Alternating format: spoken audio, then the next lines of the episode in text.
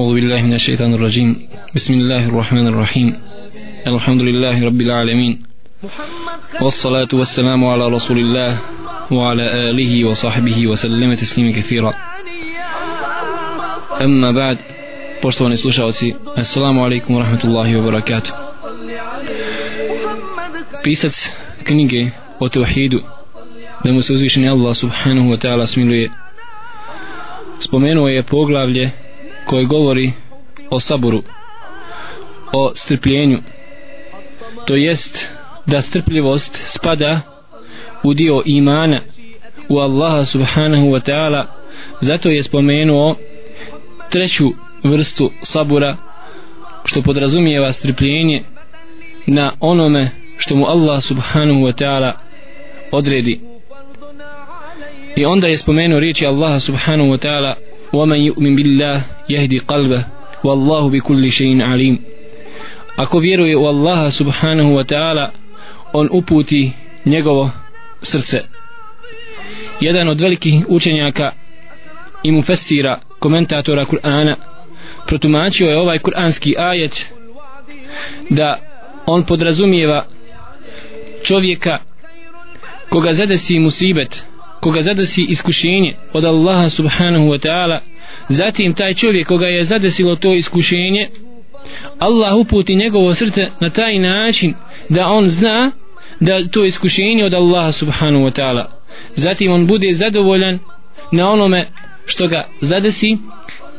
I s druge strane pred, potpuno se preda Allahu subhanahu wa ta'ala u tom iskušenju. Tako da ovaj kuranski ajet ومن يؤمن بالله يهدي قلبه ako vjeruje u Allaha subhanahu wa ta'ala Allah uputi njegovo srce podrazumijeva ovoga čovjeka znači podrazumijeva čovjeka koga zadesi iskušenje od Allaha subhanahu wa ta'ala zatim on u svom srcu zna da je to iskušenje od Allaha da je to kader stvar koja mu je određena od Allaha šanu zatim se strpi na tome što ga je zadesilo i još bude zadovoljan i potpuno se pokori na odredbi Allaha subhanahu wa ta'ala. Kaže imam i Ahmed rahmetullahi alaihi da je uzvišni Allah subhanahu wa ta'ala spomenuo sabur na 90 mjesta u Kur'anu. Također rekao je Allahu poslanik Muhammed sallallahu alaihi wa sallam a sabru dija da je sabur strpljenje svjetlost. A kako? I ne bi bilo kako i ne bi strpljivost i sabur bilo svjetlo kada čovjek u ovim tegobama na dunjaluku i raznim iskušenjima koja ga zadešavaju kako kada bi on kako i ne bi bilo svjetlo kada on kroz ta iskušenja korača sa saburom i strpi se na tom putu. Bileži imam i Buharija i Muslim hadis Allahu poslanika sallallahu alaihi wa sallam da je rekao ma u'ati ahadun a'tajen khayran au sa'a min sabr nije ništa Allah, nije nikome Allah subhanahu wa ta'ala dao veći khair od sabura. Zato je Omer ibn Khattab radi Allahu ta'ala anhu znao ovu veliku stvar koju uzvišni Allah subhanahu wa ta'ala dao ummetu Muhammeda sallallahu alaihi wa sallam zato je iskoristio sabur i u njemu našao rahatluk svoga života. To te mjere da bi znao često puta reći vođedna hajra ajšina bi sabr. Da našli smo ljepotu življenja u saboru. Pa ako želiš dragi brate i sestro da živiš lijepo sa rahatlukom na, ovim, na ovome dunjaluku treba da znaš da je rahatluk u saboru. Alija ibn Abi Talib radijallahu ta'ala anhu je usporedio sabur kao glavu u odnosu na čovjeka. Hoće reći Alija ibn Abi Talib radijallahu ta'ala anhu da čovjek ne može živjeti na ovome dunjaluku bez sabura. A kako? Kako bi čovjek mogao živjeti na ovome dunjaluku kada svaki vađib, kada svaki fard koji treba ispuniti prema Allahu subhanu wa ta'ala zahtijeva taj fard sabur. Kako kada svakodnevno doživljavamo iskušenje u našem dunjalučkom životu kako bi mogli prevazići ta iskušenja ako ne bismo bili saburljivi ako ne bismo bili strpljivi? Zato islamski učenjaci draga braćo i sestre dijeli sabur na tri vrste.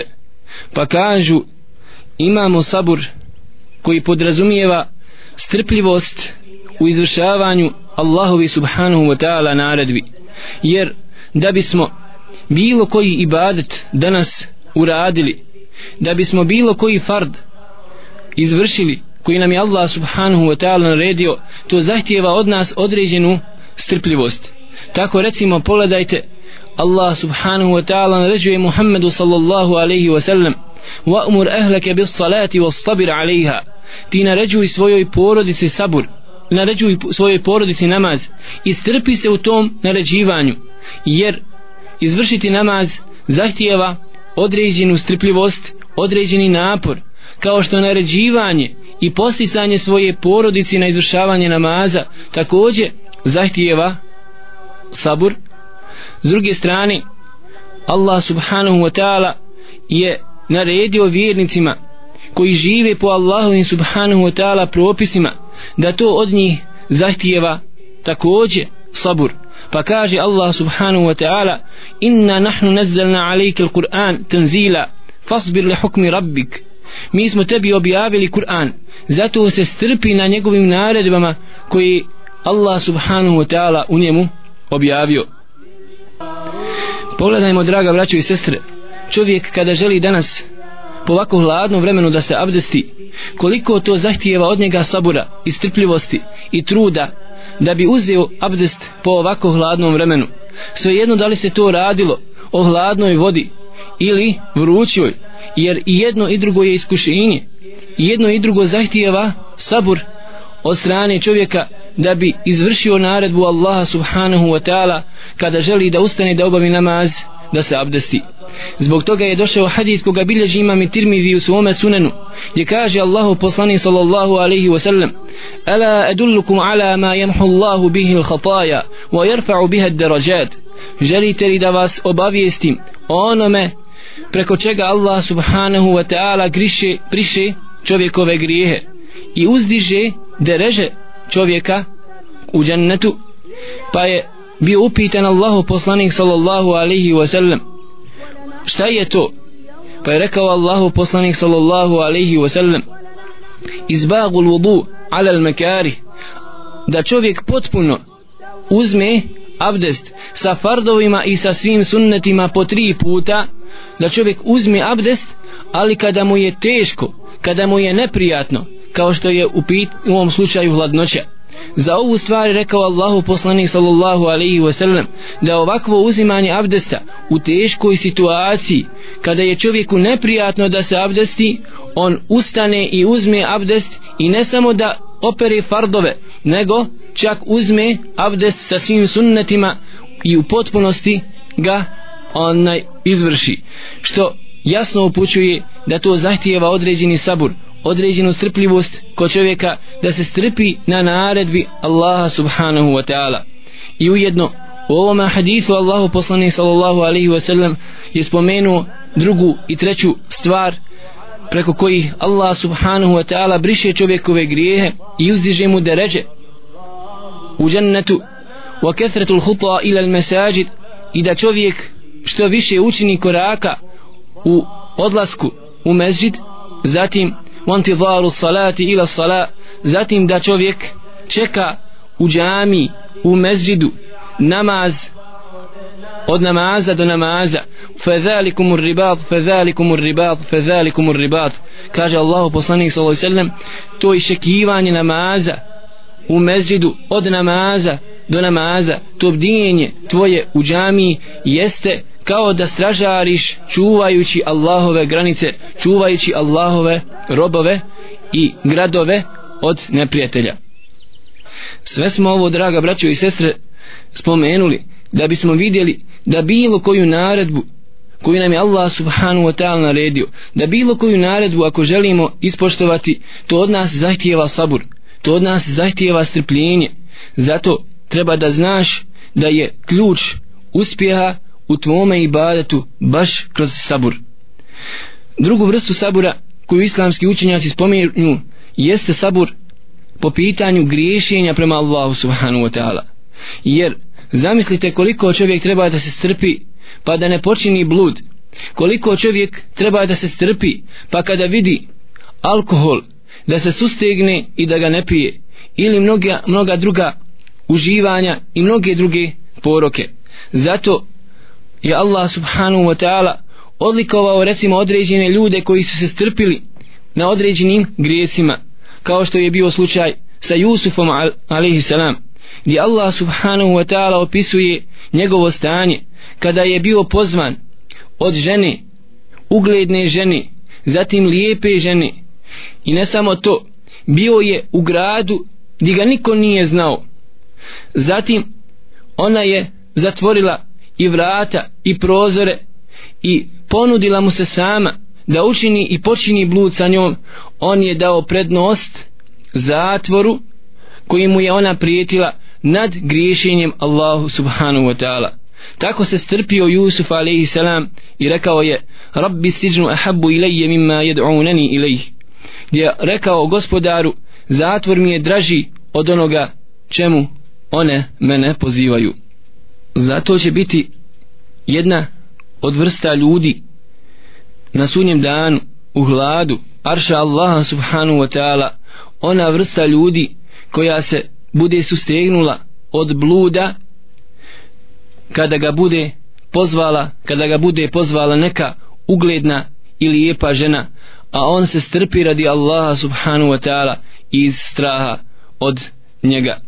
Tako treba da znaš dragi brate i sestro možda ćeš doći na sudnji dan i naćeš mnogo dobrih dijela koji nisi uradio i zaslužio svojim ibadetom ali će to biti dobra dijela koja si zaslužio zbog toga što si ostavio određene harame radi Allaha subhanahu wa ta'ala.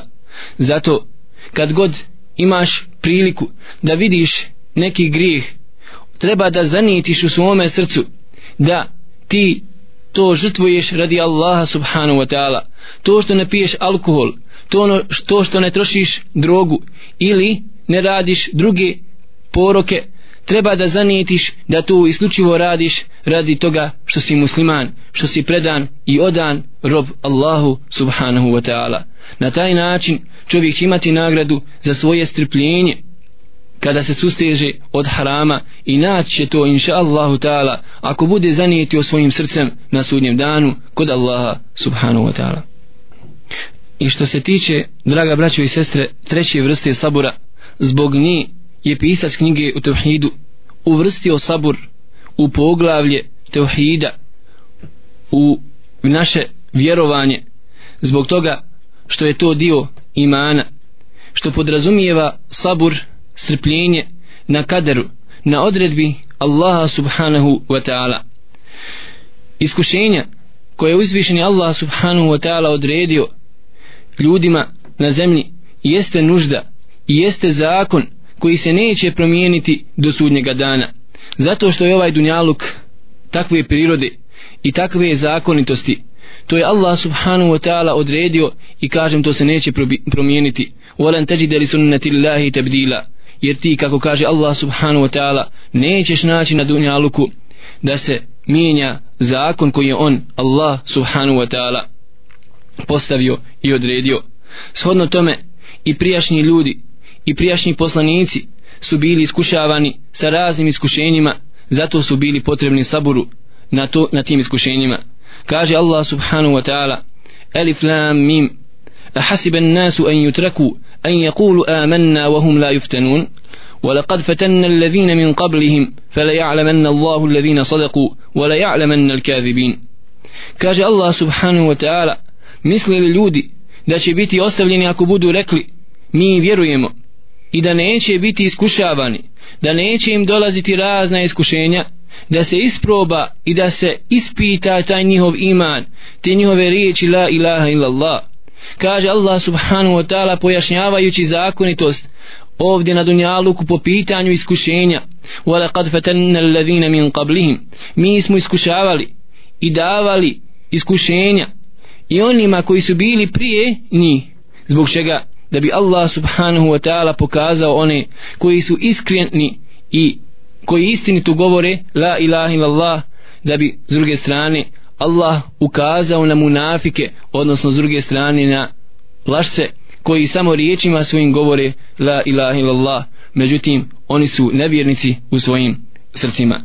Ovako Allah subhanahu wa ta'ala pojašnjava ummetu Muhammeda sallallahu alaihi wa sallam da sva ta iskušenja jesu zakonitost zakonitost koja je bila kod prijašnjih poslanika i prijašnjih naroda pa da ne misli da oni neće biti iskušavani zato ummete Muhammeda sallallahu alaihi wa sallam u vremenu danas danas u današnjem vremenu treba da znaš da si takođe da ćeš takođe biti iskušavan kao što su bili prijašnji narodi iskušavani.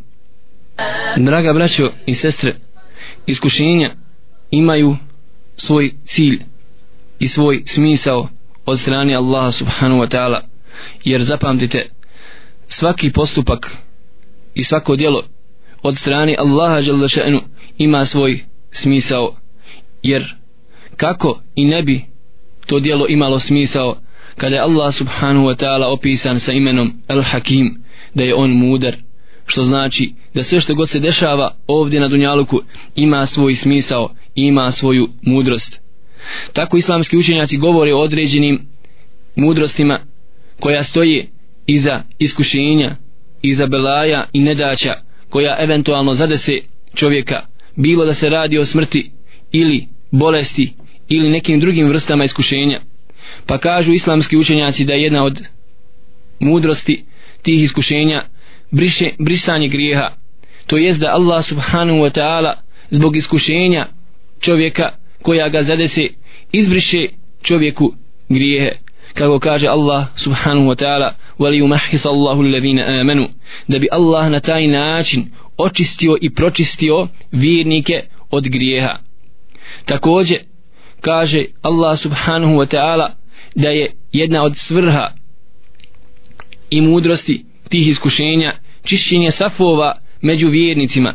Jer kako bi mogli znati ko je vjernik a ko je munafik? Ko je vjernik a ko je licemir da nije tih iskušenja. Zato Allah želešenu kaže da bi Allah pokazao i ukazao na vjernike a s druge strane da bi ukazao na munafike koji govore svojim riječima la ilaha illallah ali su oni u svojim srcima nevjernici u Allaha subhanahu wa ta'ala. Zato oni munafici u ovakvim iskušenjima padaju i pokazuju svoje pravo lice. Zato dragi brate došlo je od Omer ibn Khattaba radijallahu ta'ala anhu da čovjeka moraš vidjeti u iskušenju pa da bi mogao znati kakav je on. Pa ako želiš da ga vidiš i da vidiš njegovo srce probaj ga kakav je na putovanju probaj ga u parama da li je spreman da se strpi u raznim iskušenjima poput putovanja ili novca ili s druge strane borbe na Allahom subhanahu wa ta'ala putu. Jer u takvim situacijama, u takvim iskušenjima čovjek pokazuje svoje pravo lice.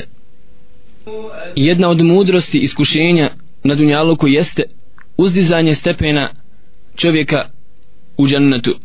Kao što kaže Ibn Qayyim rahimahullahu ta'ala, nekada Allah subhanahu wa ta'ala odredi čovjeku veliki stepen u džennetu. Međutim, on ne može zaslužiti svojim ibadetima – svojim namazom. Nema puno dobrovoljne, dobrovoljnog namaza niti ima na file posta. Međutim Allah subhanahu wa ta'ala mu odredi veliki stepen u džennetu koji ne želi da mu promijeni. Zato mu da razna iskušenja pa na taj način preko tih iskušenja zaradi taj veliki stepen u džennetu koji nije mogao zaraditi svojim ibadetom. Zato dragi brate i sestro s obzirom da si vjernik i vjernica. Treba da znaš svako tvoje stanje je za tebe hajr. Bilo da se radi o veselju i radosti ili da se radi o iskušenju ili belaju, tugi i nevolji svaka stvar je za tebe hajr. Kako kaže Allahu poslanik sallallahu alaihi wa sallam ađaben li emril mu'min čudna je stvar sa vjernikom svaka stvar je za njega hajr. Ako ga zadesi hajr on zahvali Allahu subhanahu wa ta'ala a ako ga zadesi nekakvo iskušenje on se strpi pogledajte on se strpi na tom iskušenju i opet mu bude hajr bilježi imam i muslim u svom sahihu hadith od Ebu Hureyre radijallahu ta'ala anhu da rekao Allahu poslanik sallallahu alaihi wa sallam اثنتان في الناس هما بهم كفر الطعن في النسب والنياحة على الميت kaže Allahu poslanik Muhammed sallallahu alaihi wa sallam dvije stvari kod moga ummeta jesu kufr jese, jesu nevjerstvo. Prva od tih stvari jeste da čovjek napadne nekome na njegovo porijeklo kao da kaže da je on kopile ili da ne pripada tom i tom čovjeku ili toj lozi ili toj familiji jer to spada jedan od velikih grijeha a druga stvar koja jeste kufr kod ummeta Muhammeda sallallahu alaihi wa sallam nijahatu ala al-mejid naricanje za umrlim. Zbog toga je spomenuo pisac knjige o tevhidu ovaj hadith Allahu poslanika sallallahu alaihi wa sallam da ukaže na ovu lošu pojavu koja se zna desiti kod ummeta Muhammeda sallallahu alaihi wa sallam u smrtnim slučajevima gdje pogotovo žene znaju naricati, znaju dizati glas, dizati glas svoj, zatim cijepati svoju odjeću ili čupati kosu, sve je to dokaz da one, odnosno oni koji to čine, nisu zadovoljni i nisu strpljivi na onom što mu, na čemu je Allah subhanahu wa ta'ala im odredio. Zato, dragi brate i sestro, treba da znaš da sve ono što bi čovjek uradio a što nije dozvoljeno prilikom iskušenja jeste direktan dokaz i argument da ti nisi strpljiv ili strpljiva na onome što ti Allah subhanahu wa ta'ala odredio. Tako da su ljudi prilikom iskušenja na raznim stepenima. Neki od njih se srde i budu zlobni zbog toga što ih nešto zadesi. I to je osobina nevjernika ili munafika licemira kako je Allah subhanahu wa ta'ala opisao u Kur'anu. Druga vrsta ljudi bude strpljiva ali samo strpljiva ne mogu doći na stepen imana pa da budu u svom srcu zadovoljni da osjete zadovoljstvo na onome što im je Allah subhanahu wa ta'ala odredio od te gobe i iskušenja. Dok treći su otišli malo više pa onda ne samo da su strpljivi ne samo da ne čini nekakve nerazumne postupke prilikom iskušenja nego oni osjeti zadovoljstvo u svome srcu. Zato što se nadaju u srcu nagradi kojim Allah subhanahu wa ta'ala odredio. Zato što babu kada izgubi svoje dijete zna da mu je Allah subhanahu wa ta'ala odredio kuću u džennetu ako bude rekao inna lillahi wa inna ilaihi rađiun kako je došao hadith Allahu poslanika sallallahu da ona majka koja izgubi dvije kćerke zna da je rekao Allahu poslanik sallallahu alaihi wasallam da će one biti štit hijab na sudnjem danu od vatre. I onda kada čovjek ovakve stvari zna kada zna da je ovaj dunjaluk prolazan, prolazan da s druge strane očekuje ga nagrada na ahiretu kada je život vječan kada nema više iskušenja nema više belaja kada zna da će naplatiti taj svoj sabur onda on ne samo da se strpi na iskušenjima nego s druge strane osjeti i zadovoljstvo. Dok četvrti su otišli još više od toga ne samo što su osjetili zadovoljstvo u svome srcu na iskušenjima koja su ih zadesila nego čak zahvali Allahu subhanahu wa ta'ala. Jer draga braćo i sestre treba da znate treba da znate da čovjek ako nešto vrijedi kod Allaha želvašenu ako njegov iman vrijedi kod Allaha onda Allah mu pošalje iskušenja. Zato su se prijašnje generacije muslimana ashaba tabiina i etbao tabiina koji su znali smisao iskušenja radovali kada im Allah subhanahu wa ta'ala pošalje neko iskušenje. Wa inna ahadahum la yafrahu bil bala kama ahadukum yafrahu bil raha. Kaže jedan od selefa oni ashabi su se radovali iskušenjima koja bi ih zadesila.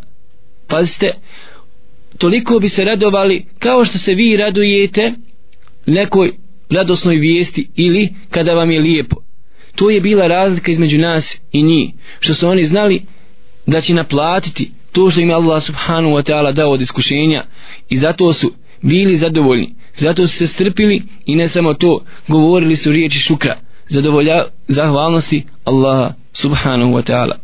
Bilež imam i Buharija i Muslim hadis od Abdullah ibn Mas'uda radijallahu ta'ala anhu da je Allahu poslanik sallallahu alaihi wa sallam rekao ليس منا من ضرب الخدود وشق الجيوب وداع بدعوى الجاهلية nije od nas kaže Allahu poslanik sallallahu alaihi wa sallam onaj ko se bude udarao po licu prilikom iskušenja prilikom belaja, prilikom smrtnog slučaja kao što to je veoma česta pojava kod muslimana odnosno muslimanki, žena zato što su slabe i nejačke po pitanju ovakvih teških udaraca u porodici. I kaže Allah poslanik sallam i nije od nas onaj ošakal džujub onaj koji se uhvati za kragnu ili oko vratnik ili za dio rub svoje odjeće zatim trga to sa sebe jer na taj način direktno pokazuje da on nije zadovoljan sa kaderom da on nije zadovoljan sa odredbom Allah subhanahu wa ta'ala. A dragi brate i sestre odakle ti pravo da ne budeš zadovoljan na onom što ti Allah subhanahu wa ta'ala odredio? Walillahi mulku samawati wal ard. Kad Allah subhanahu wa ta'ala pripada sve što godina na nebesima i na zemlji, na zemlji to dijete koje ti Allah podario jeste Allahovo. To Allah subhanahu wa ta'ala stvorio. Ima pravo onaj ko ti ga je dao da ti ga uzme kad god želi. S druge strane odakle ti onda pravo da ne budeš zadovoljan ili da ne budeš zadovoljna kada ti Allah to uzme. Zato moraš pokazati svojim postupcima da si ti zadovoljan sa odredbom Allaha žele še'nu. I kaže Allah poslanik i nije od nas voda bida'a wal džahilije onaj ko nariče raznim nekakvim džahilijeskim neznalačkim riječima pa više doziva ovoga onaj diže oko sebe ljude tim raznim riječima u kojima ima neznanja zaista neznanja o Allahu subhanahu wa ta'ala jer kako ako čovjek je spoznao Allaha spoznao džennet i spoznao džahnem kako onda može govoriti nekakve riječi sa kojima uzvišen Allah subhanahu wa ta'ala nije zadovoljan Došao je hadis od Anas ibn Malika radijallahu ta'ala anhu da Allahu poslanik sallallahu alejhi ve sellem rekao: "Iza rada Allahu bi 'abdi al-khair, ajjala lahu bil 'uquba fi ad-dunya." Kada Allah subhanahu wa ta'ala želi svome robu dobro, on mu požuri pa mu da kaznu na dunjaluku. Pogledajte. Allah subhanahu wa ta'ala kazni nekada svoga roba na dunjaluku zato što mu želi khair, da ga ne bi kaznio na sudnjem danu da se pojavi pred Allahom subhanahu wa ta'ala čist zato što ga Allah kaznio na dunjaluku a ta kazna na dunjaluku ima svoj početak ima svoj kraj za razliku da nas Allah subhanahu wa ta'ala sačuva od kazne jahannama wa idha irade bi abdihi šar amsaka anhu bi dhanbi hatta yuwafija bihi jevme qiyama a kada Allah subhanahu wa ta'ala želi zlo svome robu onda mu on odgodi kaznu za ahiret. Pa kada susretni Allah subhanahu wa ta'ala na sunnim danu onda ga Allah žele še'nu kazni. Zato dragi brate i sestro uvijek moraš da misliš dobro o Allahu subhanahu wa ta'ala.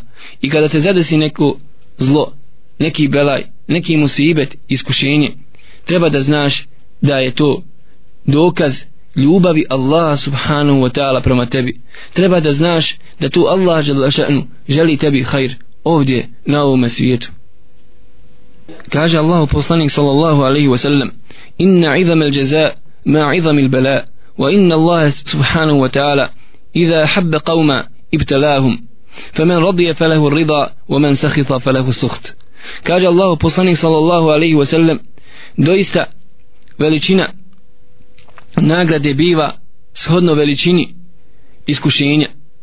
Pa ko bude pa kada Allah subhanahu wa ta'ala zavoli jedan narod onda, i, onda taj narod iskuša.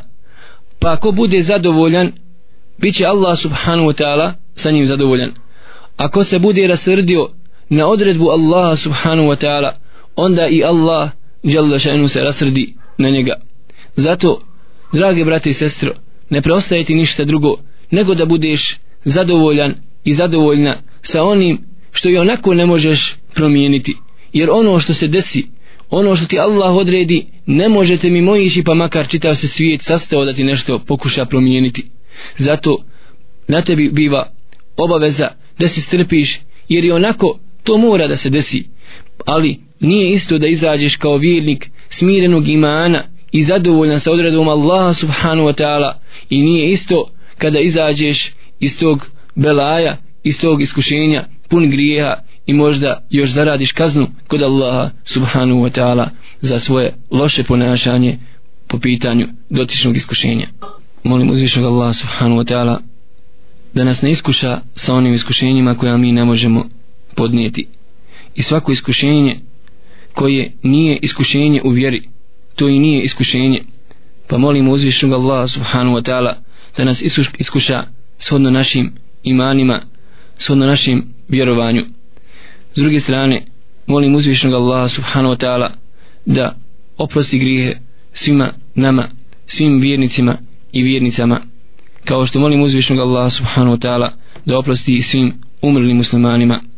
أقول قولي هذا وأستغفر الله لي ولكم ولسائر المؤمنين فاستغفروه إنه هو الغفور الرحيم.